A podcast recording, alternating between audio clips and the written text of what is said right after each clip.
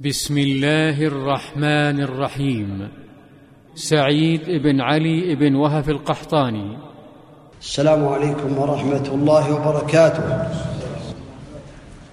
إن الحمد لله نحمده ونستعينه ونعوذ بالله من شرور أنفسنا ومن سيئات أعمالنا. من يهده الله فلا مضل له ومن يضلل فلا هادي له وأشهد أن لا إله إلا الله وحده لا شريك له وأشهد أن محمدا عبده ورسوله صلى الله عليه وعلى آله وأصحابه وسلم تسليما كثيرا. أما بعد فالشكر لله تعالى اولا واخرا الذي وفق للوصول إلى هذا المكان الحمضة في هذه الليلة المباركة ليلة السبت الموافق أربعة عشر من شهر من الشهر الخامس للهجرة ألف وأربعمائة وثمان وثلاثين.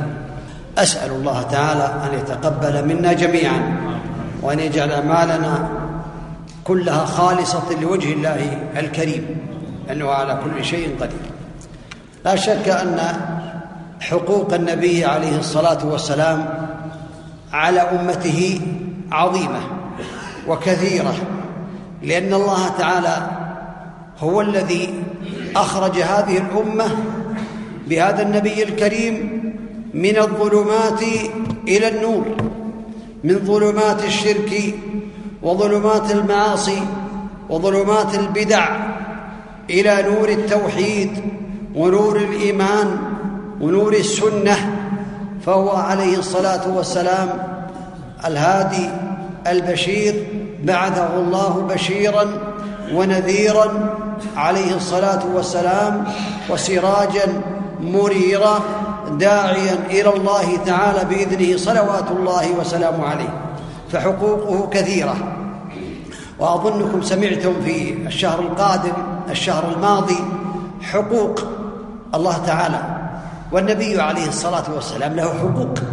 ومن أعظم حقوقه عليه الصلاة والسلام الإيمان الصادق به عليه الصلاة والسلام. والإيمان هو الاعتقاد الجازم أن محمد بن عبد الله عليه الصلاة والسلام هو رسول الله حقا للجن والإنس. لا نبي بعده عليه الصلاة والسلام فهو خاتم الأنبياء والمرسلين. صلوات الله وسلامه عليه. قد أمر الله تعالى بذلك. فآمنوا بالله ورسوله والنور الذي أنزلنا. والله بما تعملون خبير. فالله تعالى أمرنا بذلك. أن نؤمن, نؤمن بالنبي عليه الصلاة والسلام. وأنه رسول الله حقا. وأن من أطاعه دخل الجنة. ومن وأن من عصاه دخل النار. والعياذ بالله تعالى. ولهذا قال النبي عليه الصلاة والسلام أمرت أن أقاتل الناس حتى يشهدوا أن لا إله إلا الله وأن محمدا رسول الله.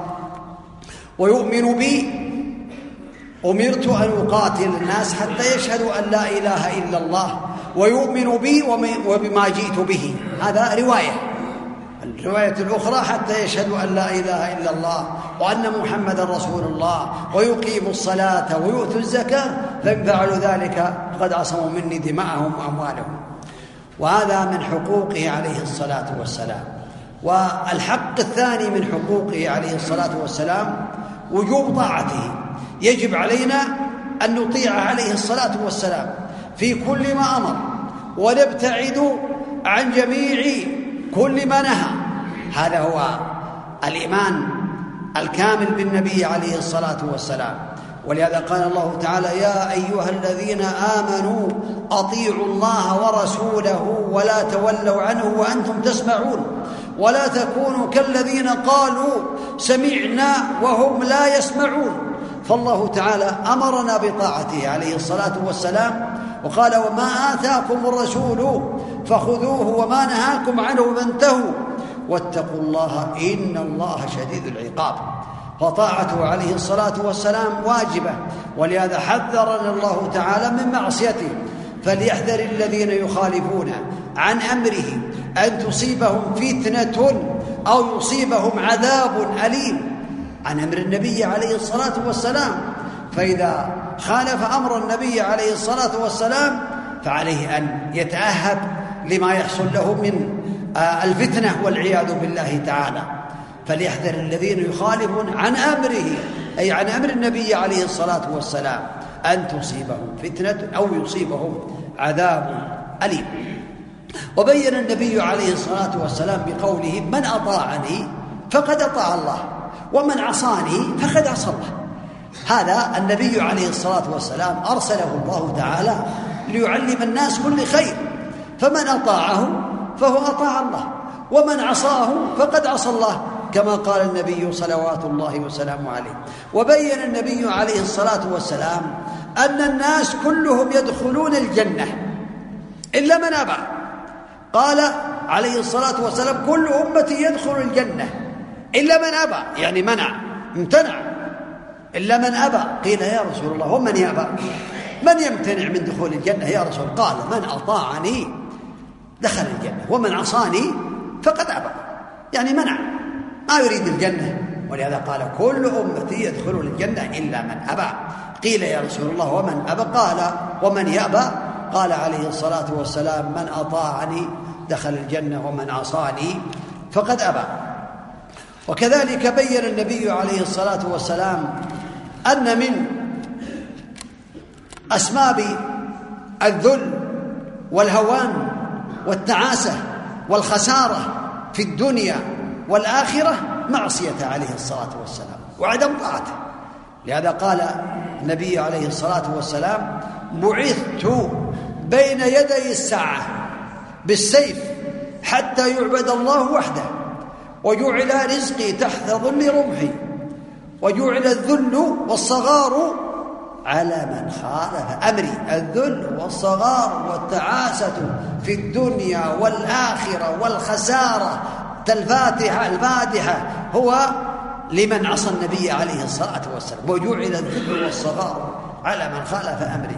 فلا يظنن كثيرا من الناس أنه إذا خالف أمر النبي عليه الصلاة والسلام أنه يكون سعيدا. والله لا يكون سعيدا إلا إذا تاب الله تعالى عليه. ووفقه لطريق الحق. والله بأنه من الأشقياء إذا مات على عصيان النبي عليه الصلاة والسلام ومخالفة أمره عليه الصلاة والسلام ومحادته صلوات الله وسلامه عليه له الذل وله الهوان وله التعاسة في الدنيا والآخرة. الأمر الثالث مما يجب علينا من الحقوق للنبي عليه الصلاة والسلام اتباعه عليه الصلاة والسلام. في كل ما أمرنا به وكل ما شرع وكل ما شرع لنا عليه الصلاة والسلام. ولهذا من ادعى محبة الله ومحبة النبي عليه الصلاة والسلام فعليه أن يتبع النبي عليه الصلاة والسلام يطيعه عليه الصلاة والسلام يتبع هديه عليه الصلاة والسلام ينفذ أوامره صلوات الله وسلامه عليه يؤمن بما جاء به عليه الصلاة والسلام. ولهذا قال الله تعالى في آية يقال لها آية المحنة يعني آية الاختبار. الاختبار هل هذا الرجل صادق أو هذا المسلم الذي يدعي الإسلام صادق بأنه من المسلمين ويحب النبي عليه الصلاة والسلام أو غير ذلك؟ قال الله تعالى قل إن كنتم تحبون الله فاتبعوني يحببكم الله ويغفر لكم ذنوبكم والله غفور رحيم. يقول يا محمد إن كنتم أيها الناس وأيها الجن لأنه بعث للجن والإنس عليه الصلاة والسلام. قل إن كنتم تحبون الله فاتبعوني يحببكم الله ويغفر لكم ذنوبكم والله غفور رحيم. فاتباعه عليه الصلاة والسلام واتخاذه قدوة هو من حقوقه علينا عليه الصلاة والسلام. ولهذا قال الله تعالى قال النبي عليه الصلاة والسلام لقد كان لكم قال الله لقد كان لكم في رسول الله أسوة حسنة لمن كان يرجو الله واليوم الآخر وذكر الله كثيرا. لقد كان لكم في رسول الله أسوة حسنة قدوة يقتدى به إمام يقتدى به عليه الصلاة والسلام. الله تعالى قد وجعلنا منهم أئمة يهدون بأمرنا لما صبروا وكانوا بآياتنا يوقنون. أعظم الأئمة وإمام الأئمة هو محمد عليه الصلاة والسلام. فلا شك أن الاقتداء به عليه الصلاة والسلام من أعظم الأمور. ولهذا قال بعض الناس في عهده عليه الصلاة والسلام نظروا إلى صلاته عليه الصلاة والسلام وأنه كان يصلي في اليوم والليلة أكثر من أربعين ركعة عليه الصلاة والسلام أكثر من أربعين. الفرائض سبع عشرة ركعة. وكان يصلي من الليل إحدى عشرة ركعة أو ثلاثة عشرة ركعة أحيانا. وكان يصلي الضحى أربعا ويزيد ما شاء الله. وكان يصلي الرواتب عشر ركعات. وشرع اثنتي عشرة ركعة. عليه الصلاة والسلام. فورده عليه الصلاة والسلام في اليوم والليلة أكثر من أربعين ركعة. صلوات الله وسلامه عليه. فاستغرب بعض الصحابة. قالوا هذا رسول الله. قد غفر الله له ما تقدم من ذنبه وما تأخر. فأين نحن من النبي عليه الصلاة والسلام؟ نحن ضعفاء. يعني ينبغي أن نعمل عملا أقوى من عمله عليه الصلاة والسلام. ماذا نعمل؟ فقال أحدهم أما أنا فأصلي ولا أنام الليل أبدا. ما دام الدعوة كذا الرسول عليه الصلاة والسلام هذه أعماله وأنا نبلغها أنا أصلي الليل كله. وقال الآخر أنا أصوم النهار كله أبدا. وقال الآخر أنا لا أكل اللحم. يعني من أجل أن يتقوى. قال الآخر أنا لا أتزوج النساء حتى يتفرغ للعبادة. فسمع النبي عليه الصلاة والسلام ذلك فقال عليه الصلاة والسلام آه قال أنتم الذين قلتم كذا وكذا؟ قالوا نعم يا رسول الله. قال أما إني أتزوج النساء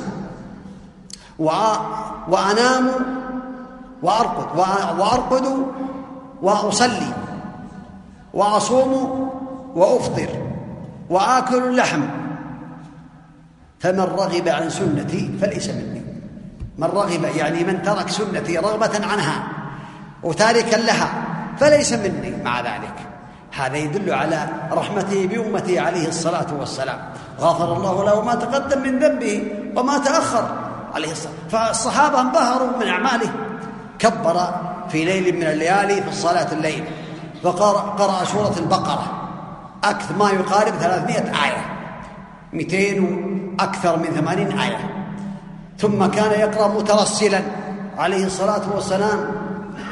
إذا مر بآية تسبيح سبح وإذا مر بآية آية فيها عذاب استعاذ عليه الصلاة والسلام مترسلا. ثم قرأ بعد ذلك سورة النساء. هكذا قال الراوي قدم النساء على آل عمران. ثم قال قلت يركع بالبقرة يركع عند المية يركع بالبقرة. قال قلت يركع في نهاية النساء. قال قلت يركع عند في نهاية العمران خمسة أجزاء. وهو يقرأ مترسلا. هكذا صلاة عليه الصلاة نحن لا ما أمرنا الله أن نصلي ونعمل هذه الأعمال. ونشق على أنفسنا. قال من رغب عن سنتي فليس مني. عليه الصلاة والسلام. لكن الإنسان يعمل ما يستطيع. ولهذا قال النبي عليه الصلاة والسلام حينما قال له لما قيل له لماذا تعمل هذا العمل؟ وقد غفر الله لك ما تقدم من ذنبك.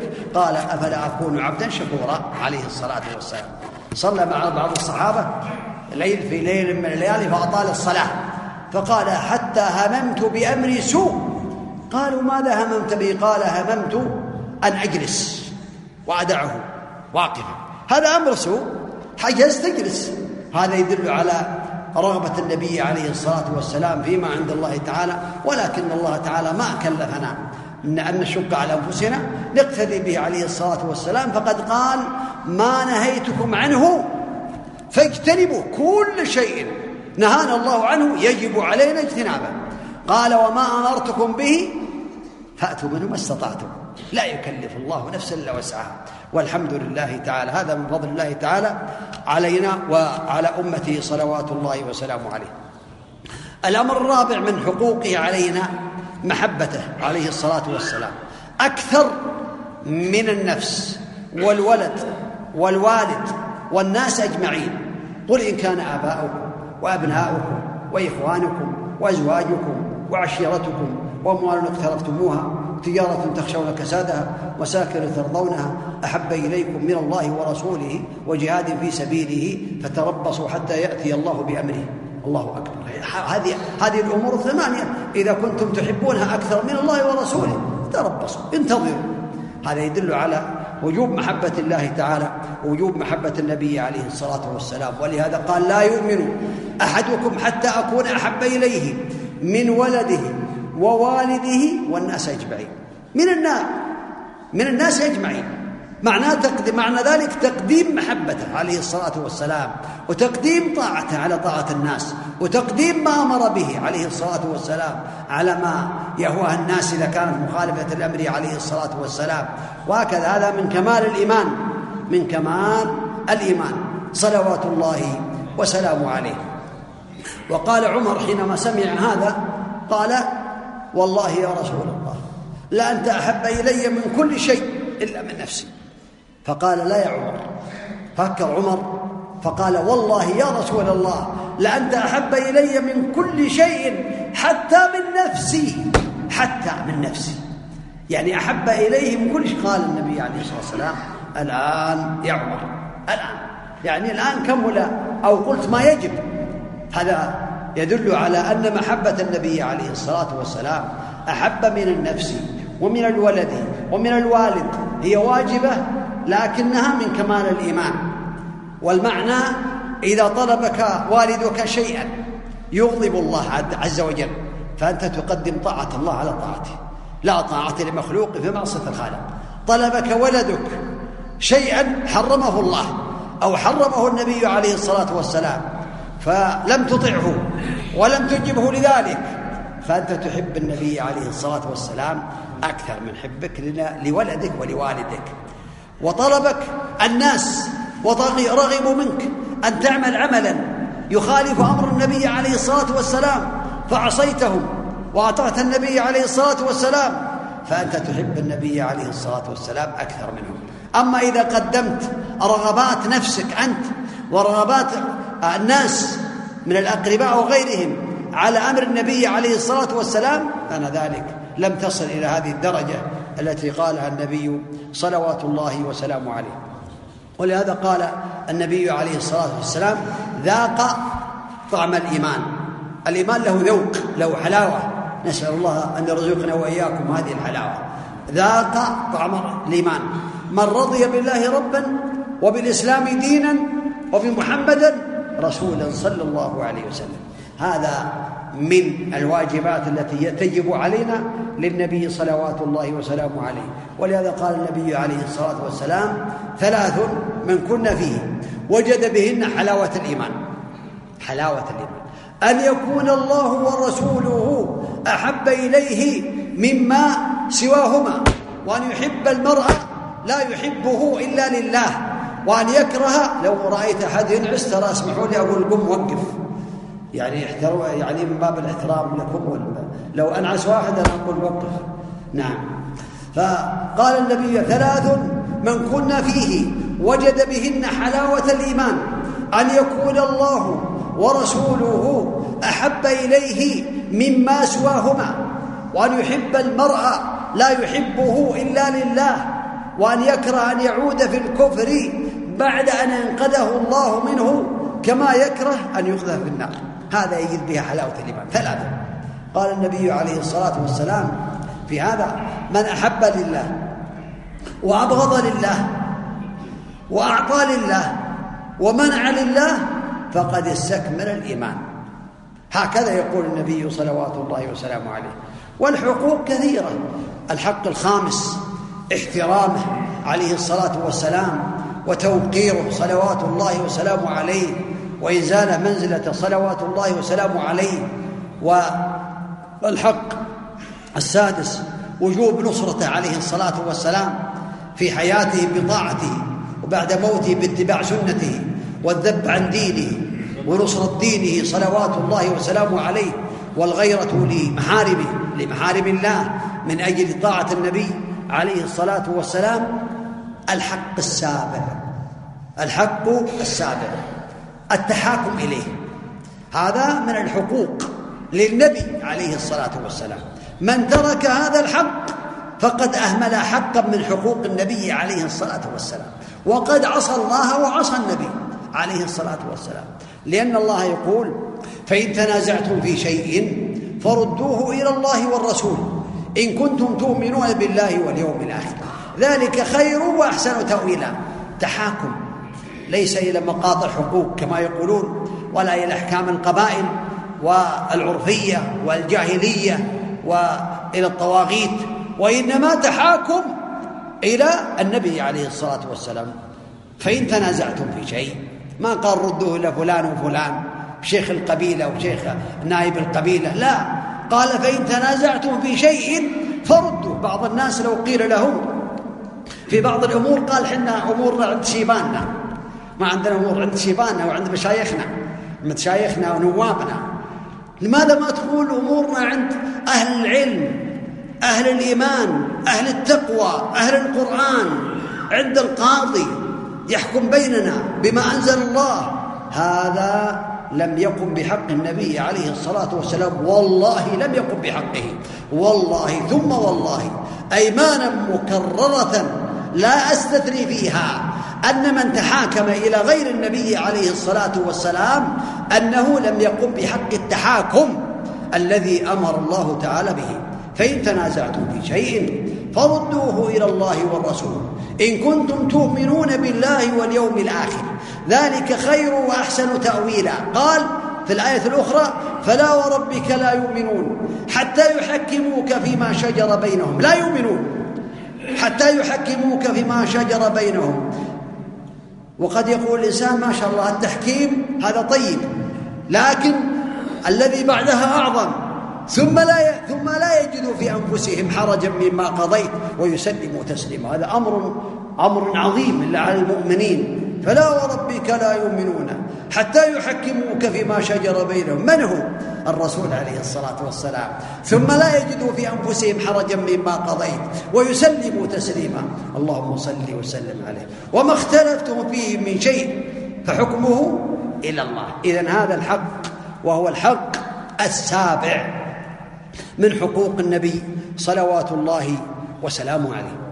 الحق الثامن من حقوقه لأني أريد أن أختصر في هذه الحقوق حتى آه، آه، نعمل بعمل من حقوقه علينا عليه الصلاة والسلام وأفصل فيه تفصيلا يعني يسيرا. الحق الثامن من حقوقه عليه الصلاة والسلام الصلاة عليه. اللهم صل وسلم عليه. ولهذا قال إن أفضل أيامكم يوم الجمعة. فيه خلق آدم وفيه النفخة وفيه الصعقة وفيه ساعة من سأل الله تعالى فيها أعطاه فأكثروا علي من الصلاة فيه. فإن صلاتكم معروضة علي. قالوا يا رسول الله تعرض صلاتنا عليك وقد أرمت. أرمت يعني بليت عظامك. فقال النبي عليه الصلاة والسلام إن الله حرم على الأرض أن تأكل أجساد الأنبياء. عليه الصلاة والسلام حرمها على الأرض. قال عليه الصلاة والسلام إن لله ملائكة سياحين. أنت هنا في الأمواه في الحمضة في شرق بلاد القحطان قريبا من اليمن. ها لو قلت اللهم صل وسلم على نبيك محمد عليه الصلاة والسلام. لله ملائكة سياحين. يبلغون النبي عليه الصلاة والسلام هذه الصلاة حتى يرد عليك السلام. ولهذا قال عليه الصلاة والسلام من سلم علي رد الله علي روحي حتى أرد عليه السلام. اللهم صل وسلم عليه. هذا من فضل الله. في الشرق في الغرب في السماء في أعلى الجو في البحار. تقول اللهم صل على محمد صلى الله عليه وسلم. الملائكة يبلغون النبي عليه الصلاة والسلام. بأنك أنت تصلي عليه. اللهم صل وسلم عليه. ولهذا قال عليه الصلاة والسلام من صلى علي صلاة صلى الله عليه بها عشرة تدرون ما معنى الصلاة؟ معنى الصلاة على النبي عليه الصلاة والسلام تقول اللهم أثني على نبيك عند الأعلى عند الملائكة. باسمه اللهم أثني عليه. اللهم صل عليه. كما قال أبو العالي في البخاري. فالله تعالى يذكرك عشر مرات عند الملائكة. سبحان الله. لو قيل للناس يا أخي والله الملك سلمان جزاه الله خيرا يثني عليك خيرا. ويقول نحن نحب فلان والله. فلان. ابن فلان من أهل الأمواه شرق بلاد قحطان نحبه ونشكره على أعماله. في عشرة مجالس ذكرت. آه الذي يظهر من هذا الإنسان أن أخشى أن يصيبه بعض بعض الخلل من الفرحة بأن هذا ولي الأمر صار يذكره. الله يذكرك. إن صليت على نبي عليه الصلاة والسلام يذكرك عشر مرات عند الملائكة باسمك. من صلى عليه صلاة صلى الله عليه بعشرة اللهم صل وسلم عليه. ولهذا قال عليه الصلاة والسلام البخيل من ذكرت عنده فلم يصلي عليه. هذا أبخل الناس. أبخل الناس. البخيل من ذكرت عنده فلم يصلي عليه. كثير من الناس إذا سمع النبي عليه الصلاة والسلام يقول اللهم صل وسلم عليه. لابد أن يصلي على النبي عليه الصلاة والسلام وهذا واجب. إذا سمع اسمه عليه الصلاة والسلام البخيل من ذكرت عنده فلم يصلي عليه. قال عليه الصلاة والسلام ما جلس قوم مجلسا لم يذكروا الله فيه ولم يصلوا على نبيهم عليه الصلاة والسلام إلا كان عليهم ترة يعني حسرة يوم القيامة. فإن شاء عذبهم وإن شاء غفر ترة حسرة. قال ما, ما اجتمع قوم في مجلس من مجالس ثم تفرقوا ولم يصلوا على نبيهم عليه الصلاة والسلام ولم يذكروا الله إلا تفرقوا كما يتفرقون من على جيفة حمار والعياذ بالله تعالى. فالصلاة على النبي عليه الصلاة والسلام من حقوقه علينا صلوات الله وسلامه عليه. وأنت تحصل على فوائد من الصلاة عليه. أولا تحصل على أن النبي عليه الصلاة والسلام يبلغ بصلاتك عليه وسلامك ويرد عليك السلام. وثانيا يصلي الله تعالى عليك عشر مرات يذكرك في الملائكة. وثالثا تقوم بالواجب. لأن الله قال أمر بالصلاة. يا أيها الذين آمنوا يا أيها الذين إن الله وملائكته يصلون على النبي. يا أيها الذين آمنوا صلوا عليه وسلموا تسليما. قال الإمام ابن كثير رحمه الله تعالى الأفضل في الصلاة على النبي عليه الصلاة والسلام أن يقول الإنسان مختصرا اللهم صل وسلم عليه تسليما. اللهم صل على نبينا محمد وسلم تسليما. والأفضل من ذلك اللهم صل على محمد وعلى آل محمد كما صليت على إبراهيم وعلى آل إبراهيم إنك حميد مجيد. صلاة الإبراهيمية. لكن بعد هذا تقول اللهم صل وسلم عليه على محمد عليه وسلم تسليما. تسليما. وهذا من أنواع الصلاة على النبي عليه الصلاة والسلام. من الفوائد التي يحصل عليها الإنسان يرفعه الله بها عشر درجات ويمحو عنه عشر سيئات ويكتب له عشر حسنات وقبل ذلك يصلي عليه الله تعالى عشر صلوات. هذا من الفوائد الصلاة على النبي عليه الصلاة والسلام. ولا أحب أن أطيل عليكم أكتفي بهذه النقاط الثمان من حقوقه عليه الصلاة والسلام وأركز على قول على الحقوق أو الحق العام الذي يدل على أن الإنسان هو الذي يعمل بهذه الأمور الأربعة. طاعته فيما أمر تقدمت. وتصديقه فيما أخبر تقدمت عليه الصلاة والسلام. واجتناب ما نهى عنه وزجر عليه الصلاة والسلام. وأن لا يعبد الله إلا بما شرع. لا تعبد الله إلا بما شرع النبي. فهذه الكلمة الأخيرة لا تعبد الله إلا بما شرع. من أعظم ما شرع الله تعالى وعلى لسان النبي عليه الصلاة والسلام هذه الصلاة. هذا من أعظم ما شرع. بعد الشهادتين بعد شهادة لا إله إلا الله وأن محمد رسول الله. هذه بعدها الصلاة. من حافظ عليها كانت له نورا وبرهانا ونجاة يوم القيامة ومن لم يحافظ عليها لم يكن له نور ولا برهان ولا نجاة يوم القيامة. وعشر مع فرعون وهامان وقارون وأبي بن خلف. وهذه الصلاة لا تقبل إلا بشروط وأركان وواجبات عند الذكر وأمور لا بد منها.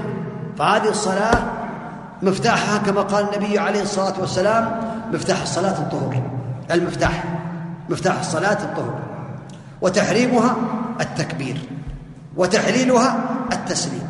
هذا المفتاح الطهارة لا بد منها. قال النبي عليه الصلاة والسلام ويبينها لو تذكر الإنسان شروط الصلاة. شروط الصلاة كما ذكر العلماء تسعة. شروط الصلاة تسعة الإسلام والعقل والتمييز ورفع الحدث وإزالة النجاسة وستر العورة ودخول الوقت واستقبال القبلة والنية. لا بد منها قبل أن تكبر تكبيرة الإحرام. الإسلام لا يقبل الله الصلاة إلا من المسلم. عليه أن يسلم ثم يسلم. الإسلام والعقل المجنون لا ليس عليه شيء. المميز كذلك لا تقبل إلا من المميز الذي بلغ سبع سنوات فأعلى. النبي عليه الصلاة والسلام قال مروا أبناءكم أولادكم بالصلاة لسبع واضربوهم عليها عشر وفرقوا بينهم في المضاجع. لو جاء إنسان بطفل عمره سنتين وقال أنا أوضيك ولدي توضأ ها صلي معنا. ما, ما له صلاة. لا, لا, لا لأبيها أجر ولا له ولا له أجر. لأنه ما ميز. النبي عليه الصلاة والسلام قال مروا أولادكم بالصلاة لسبع واضربوهم على العشر إذن والتمييز. ورفع الحدث. رفع الحدث يكون برفع الحدث الأكبر والأصغر. فالأكبر موجباته كما ذكر العلماء رحمه الله تعالى خروج المني دفقا بلذة والتقاء الختانين.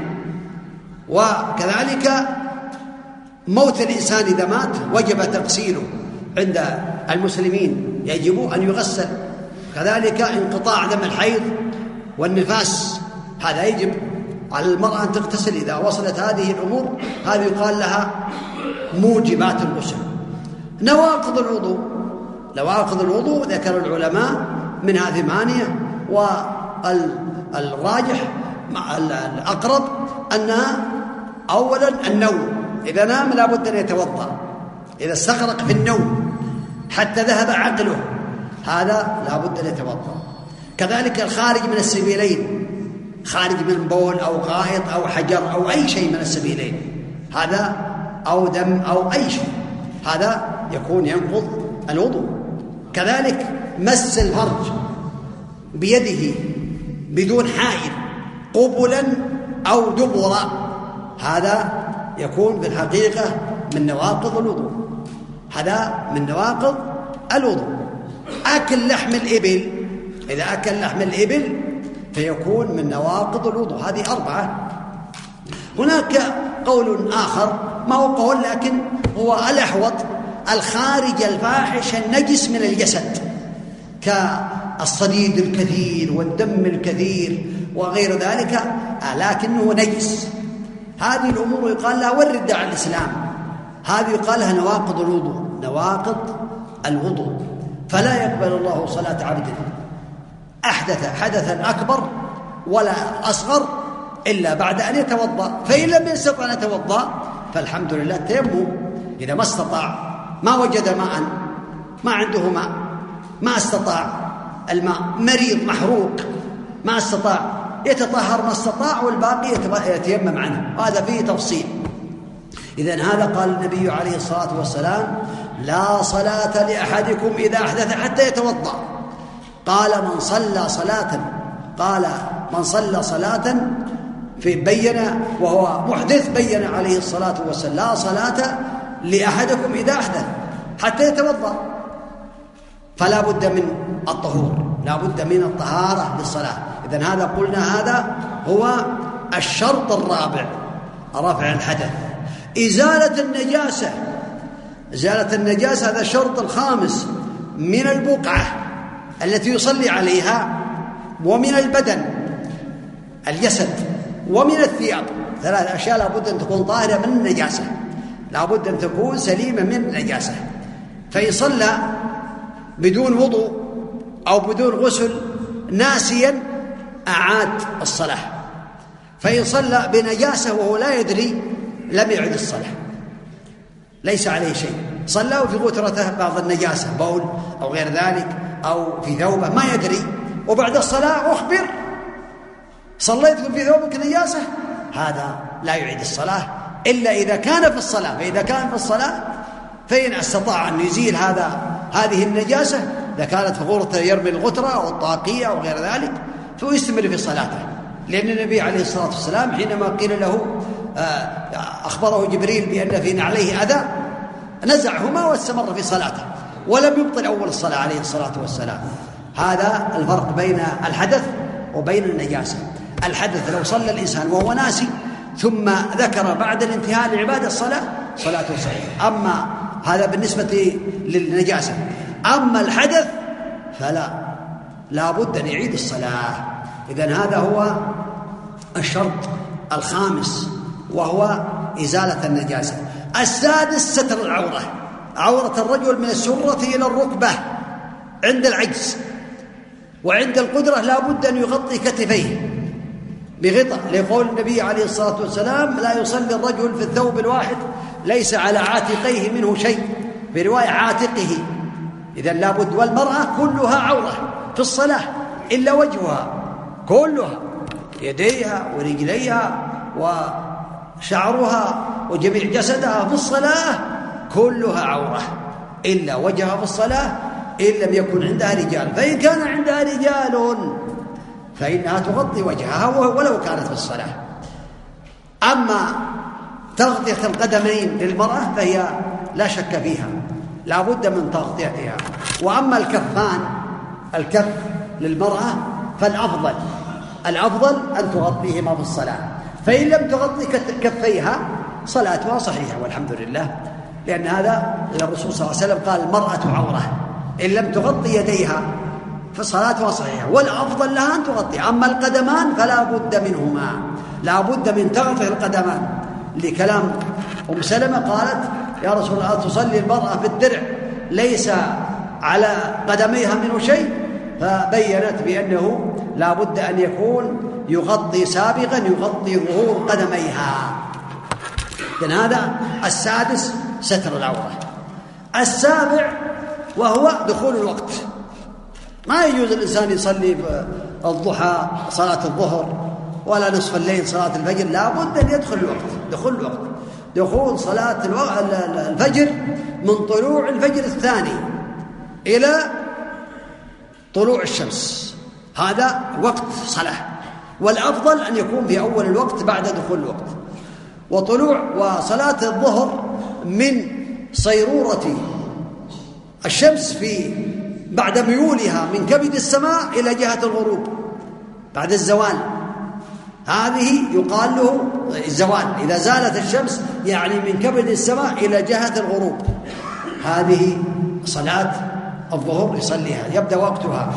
إلى أن يصير ظل كل شيء مثله. ظلك مثلك. انتهى وقت صلاة الظهر. العصر من صيرورة ظل كل شيء مثليه مثله إلى أن يصير ظل كل شيء مثليه مثل مرتين. وفي رواية إلى اصفرار الشمس. المغرب عند غروب الشمس بعد غروب الشمس إلى غروب الشفق الأحمر. العشاء من غروب الشفق الأحمر إلى نصف الليل. هذه أوقات الصلوات. إذا هذا من شروط آه من شروط الصلاة دخول الوقت. هذا هو الشرط السابع. الشرط الثامن استقبال القبلة. لا بد أن يستقبل القبلة في صلاته. الشرط التاسع النية. ينوي هذه الصلاة ظهر هذه الصلاة عصر هذه الصلاة سنة هذه الصلاة فريضة هذه الصلاة لا بد من هذا ولهذا ينبغي للمسلم أن يعلم هذه الأمور قبل أن يدخل في الصلاة يكمل تسعة شروط أركان الصلاة أربعة عشر ركنا. القيام مع القدرة. الآن تأهب. عند سبعة شروط انتهى تسعة. القيام مع القدرة في الفرض. لا بد أن يكون واقفا. في الصلاة في الفريضة.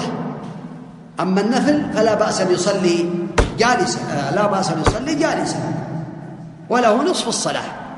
إذا صلى جالسا في صلاة الليل أو الضحى أو السنن فله ذلك ولو كان سليما لكن له النصف فقط. أما الفريضة فلا بد أن يصلي واقفا فإن كان مريضا فصلاته جالسا كاملة حتى لو كان نفل أو غيره. إذن القيام مع القدرة في الفرض وتكبيرة الإحرام. الله أكبر. لو قال الله أعظم ما تقبل لابد يقول الله أكبر. لو قال الله أكبر صلاة باطلة. لأن أكبار هذا طبل من الطبول. لأنه مد. الله أكبر بالجزم. الله أكبر. ولا يمد التكبير. لا انتبه. سواء كان مؤذنا أو مكبرا. لا يقول الله أكبر. يعني هذا طبل من الطبول. آلات له. اسمها بار. لا الله أكبر. أعظم وأكبر من كل كبير. هذا تكبيرة الإحرام وقراءة الفاتحة. لا بد أن يقرأ الفاتحة في صلاته ولا صلاة باطلة. والركوع يركع حتى تصل يديه إلى ركبتيه والرفع من الركوع الاعتدال والسجود على الأعضاء السبعة الكفين والجبهة مع الأنف لو سجد على أنفه بدون جبهته صلاته لا تصح باطلة.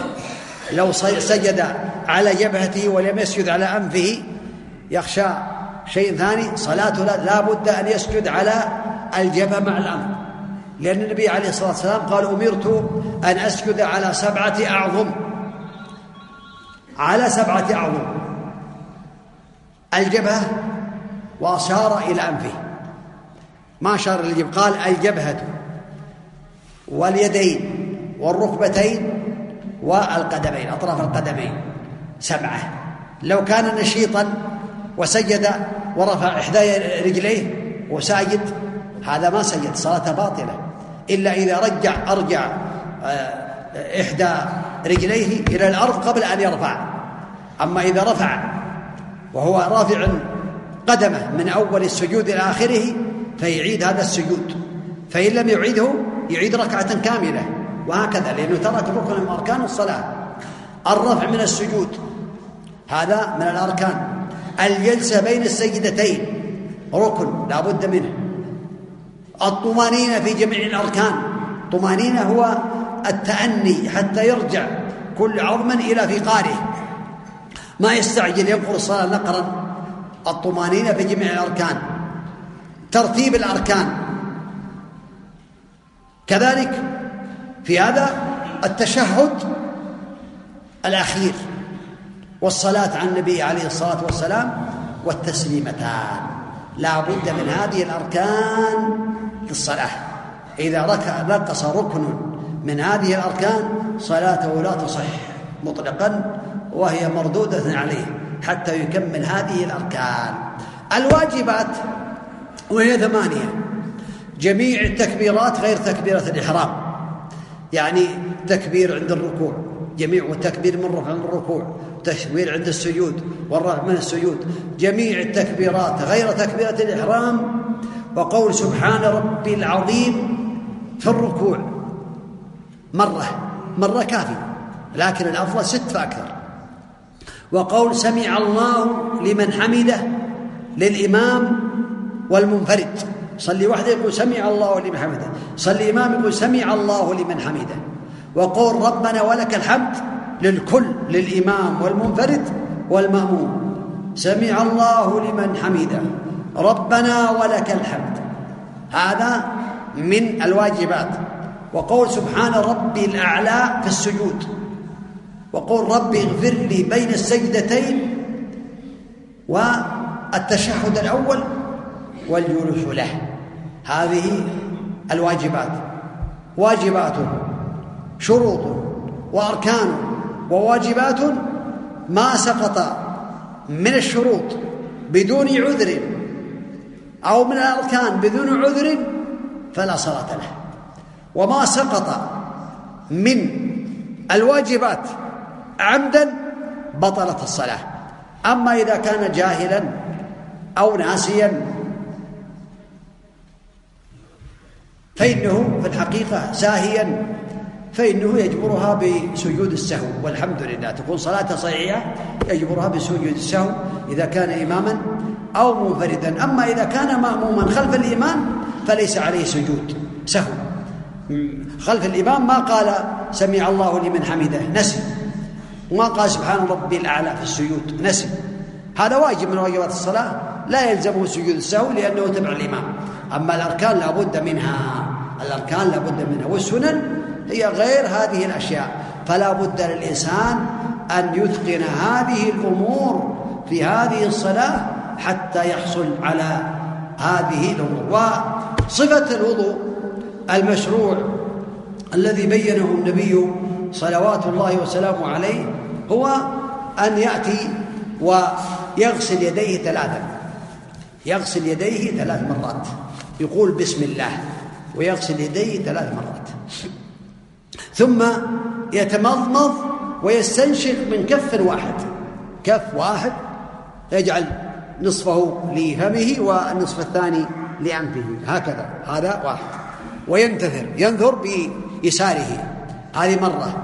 مرة أخرى. كذلك. ويستنثر بيساره. مرة ثالثة. هذا هو الأفضل.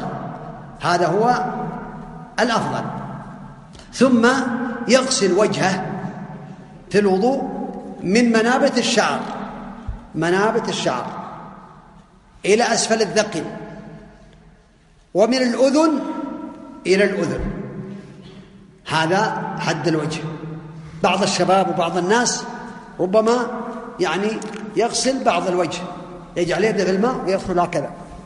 هذا لا وضوء له ولا طهارة لأنه ما غسل وجهه من الحدود لا بد من منابت الشعر إلى أسفل الذقن ومن الأذن إلى الأذن ثلاث مرات.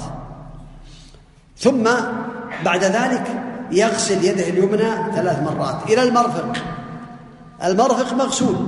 يا أيها الذين آمنوا إذا قمتم إلى الصلاة فاغسلوا وجوهكم وأيديكم إلى المرافق يعني مع المرافق. إلى الكعبين يعني مع الكعبين. هذا مغسول ثلاث مرات. ثم اليسرى ثلاث مرات. ثم يجعل يده في الماء ويجعلها يديه ويجعلها في مقدمة رأسه ثم يذهب بيديه إلى قفاه ثم يرجعهما إلى المكان الذي بدأ منه ثم يدخل السبابتين في أذنيه بدون ماء جديد في الأذنين ويجعل الإبهامين من خلف الأذنين هكذا. هذا هو السنة. ثم يغسل رجله اليمنى إلى الكعب واليسرى إلى الكعب. هذا هو الوضوء الكامل. من قال من توضأ هذا الوضوء قال النبي عليه الصلاة والسلام من توضأ نحو الوضوء هذا ثم صلى ركعتين غفر له ما تقدم من ذنبه. والأفضل أن يقول أشهد أن لا إله إلا الله وحده لا شريك له وأشهد أن محمدا عبده ورسوله.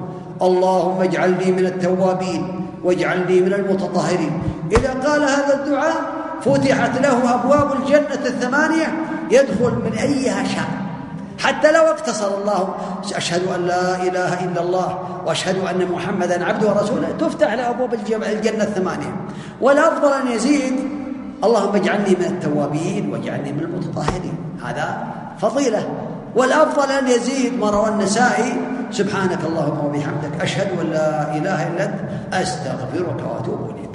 هذا هو الوضوء الكامل. ويجوز أن تتوضأ مرتين مرتين. ويجوز أن تتوضأ مرة مرة. ثبت عن النبي عليه الصلاة والسلام.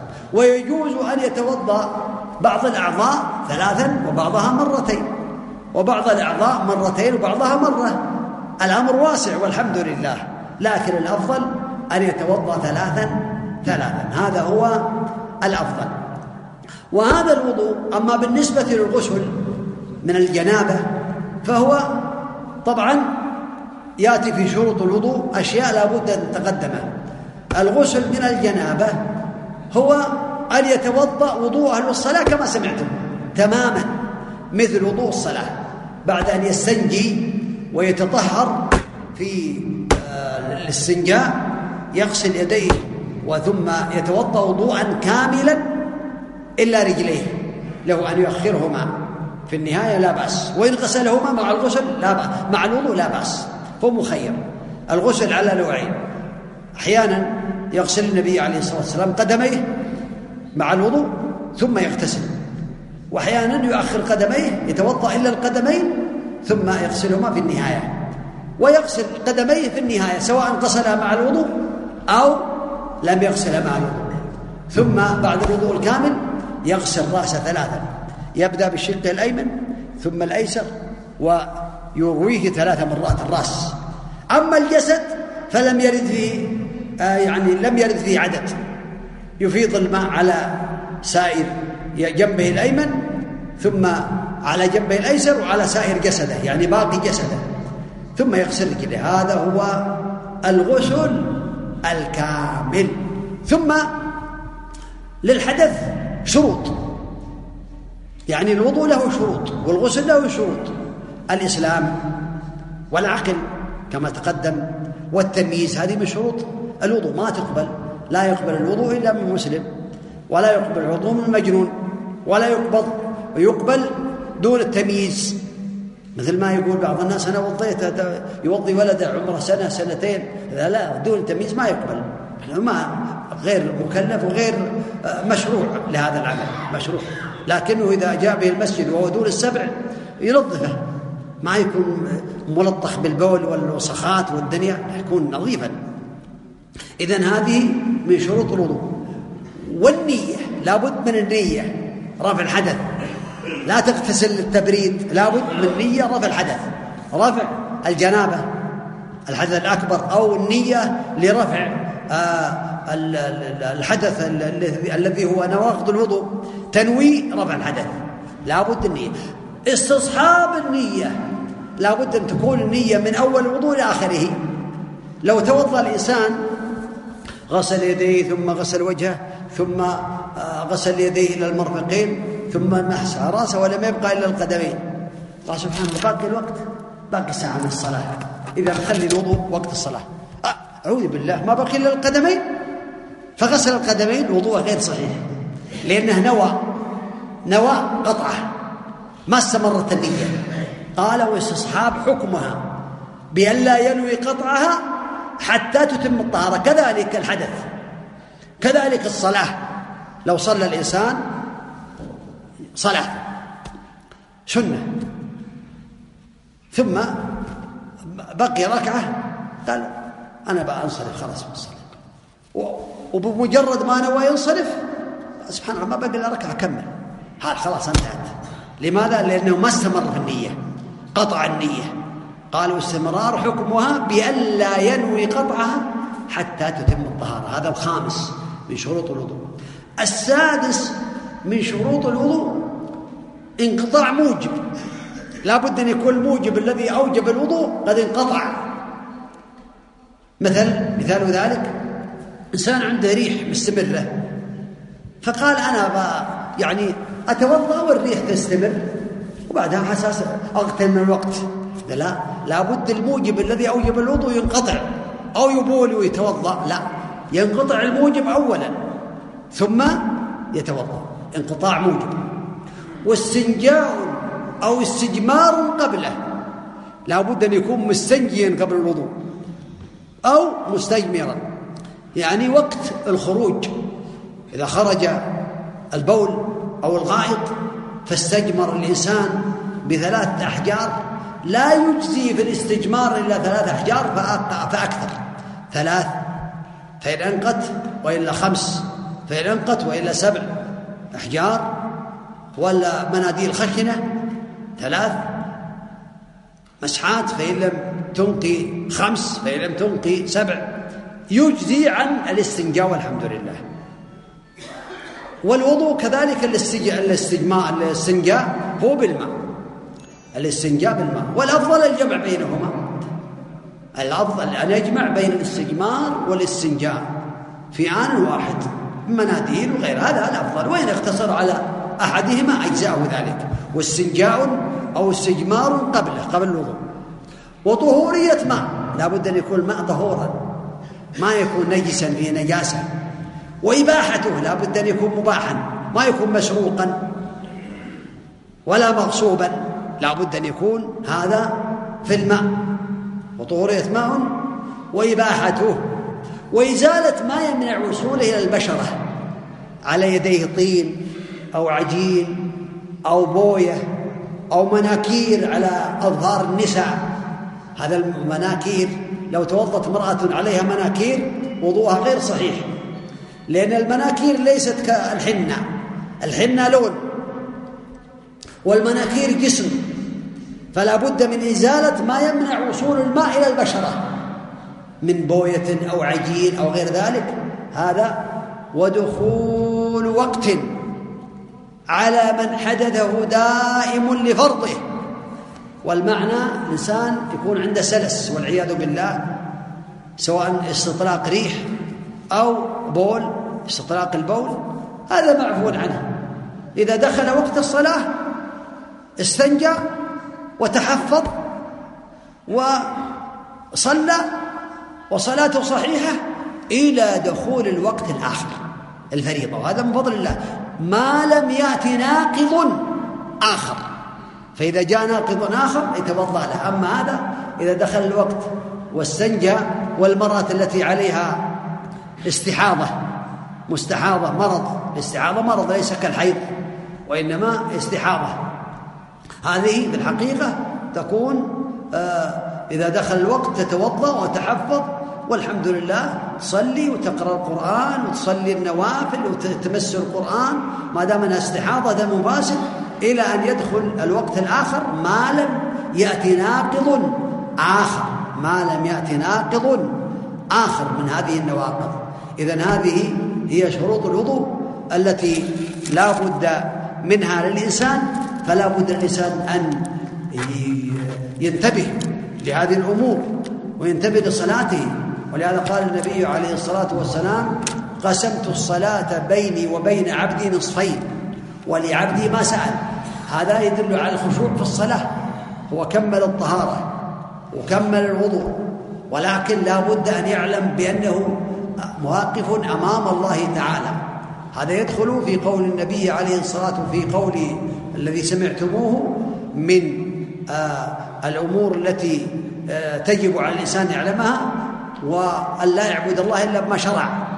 فلا بد أن يعلم بأنه واقف بين يدي الله تعالى. قال قسمت الصلاة بيني وبين عبدي نصفين ولعبدي ما سأل.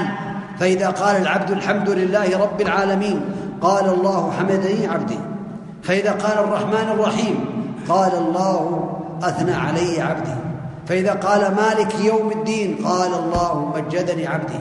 فإذا قال إياك نعبد وإياك نستعين قال الله هذا بيني وبين عبدي ولعبدي ما سأل. فإذا قال اهدنا الصراط المستقيم صراط الذين أنعمت عليهم غير المغضوب عليهم ولا الضالين قال الله هذا لعبدي ولعبدي ما سأل. فعلى المسلم أن يعنى بهذه الأمور هذه من أهم المهمات. أن تعلم كيف تتوضأ تعلم كيف تغتسل من الجنابة. المرأة غسلها من الجنابة مثل الرجل مثل الرجل إلا أنه يخفف عنها في بعض الأمور.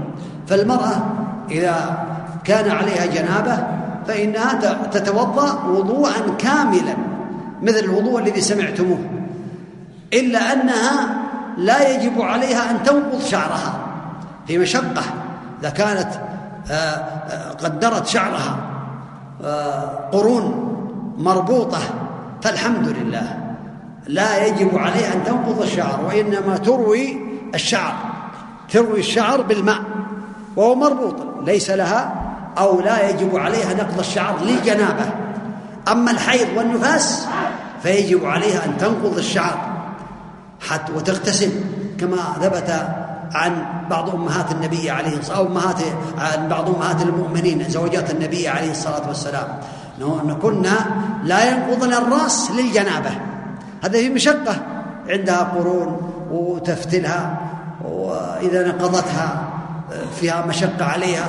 فالحمد لله تروي الرأس تروي الماء آه، الشعر بالماء. ولا يجب عليها النقض إلا عند الحيض أو عند النفاس. ومتى يجب عليها أن تغتسل للنفاس؟ إذا انقطع الدم. انقطاعا تاما. رأت الصفرة أو رأت ما يقال لها القصة البيضاء يعرفها النساء؟ عندنا النساء في المسجد؟ في نساء؟ أي نعم. فإذا رأت القصة البيضاء علامة الطهر بعض النساء لا ترى هذا لكنها ترى الجفاف. الجفاف التام. ما ترى شيئا. لا كدرة ولا صفرة ولا غير ذلك. هذا من الأمور التي ينبغي أن تعلمها المرأة. فإذا حصل ذا فإنها في الحقيقة تغتسل بالغسل الذي سمعتموه. وقد تبتلى المرأة ب الاستحاضة. والاستحاضة هي دم فاسد وليس بدم الحيض ولكنه دم فاسد يأتي في أوقات ليست في أوقات الحيض فقد يختلط عليها فتبقى المرأة العدة التي تعلمها تعلم عادتها بأنها من أول كل شهر خمسة أيام ستة أيام تبقاها فإذا زاد عليها في بعض الشهور ما دام تعتقد بأن هذا هو من الحيض يكون حيضا. أما إذا رأت أن هذا اختلف فترجع إلى التمييز. ما اختلفت ما تدري ما تعرف الأيام. ترجع إلى التمييز بين الدمين. دم الحيض يعرفه يعرفه النساء سواء كان له ريح أو غير ذلك. ودم الفساد أحمر رقيق. فالنساء يعرفن ذلك. فإن لم يكن لها تمييز ولم يكن لها عادة اختلط عليها الأمر. كان تكون مبتدعة. بنت أول ما يجيها ما اختلط عليها أمر فإنها تبقى ستة أيام أو سبعة أيام. كما تبقى أمها وأختها وخالتها. إذا كانت أمها وأختها وخالتها يبقين ستة أيام تبقى ستة أيام.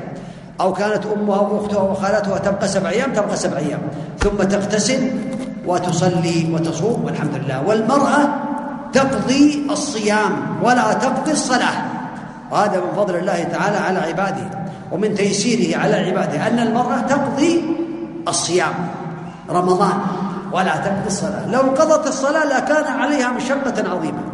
اليوم فيه سبعة عشر ركعة سبع عشرة ركعة اضربها في سبعة أو أحيانا بعض النساء تبقى عشر أيام سبع عشرة ركعة في سبعين في عشرة تكون بمية وسبعين ركعة. في مشقة فالله تعالى وضع هذه المشقة على النساء فهي تقضي الصوم ولا تقضي الصلاة. أسأل الله تعالى بأسماء الحسنى وصفاته العلى أن يجعلني وإياكم من الذين يستمعون القول فيتبعون أحسنه. وأن يرزقنا وإياكم العلم النافع والعمل الصالح والتوفيق لما يحب ويرضاه وأن يجعل أعمالنا كلنا خالصة لوجه الله الكريم. إنه على كل شيء قدير وبالإجابة جدير.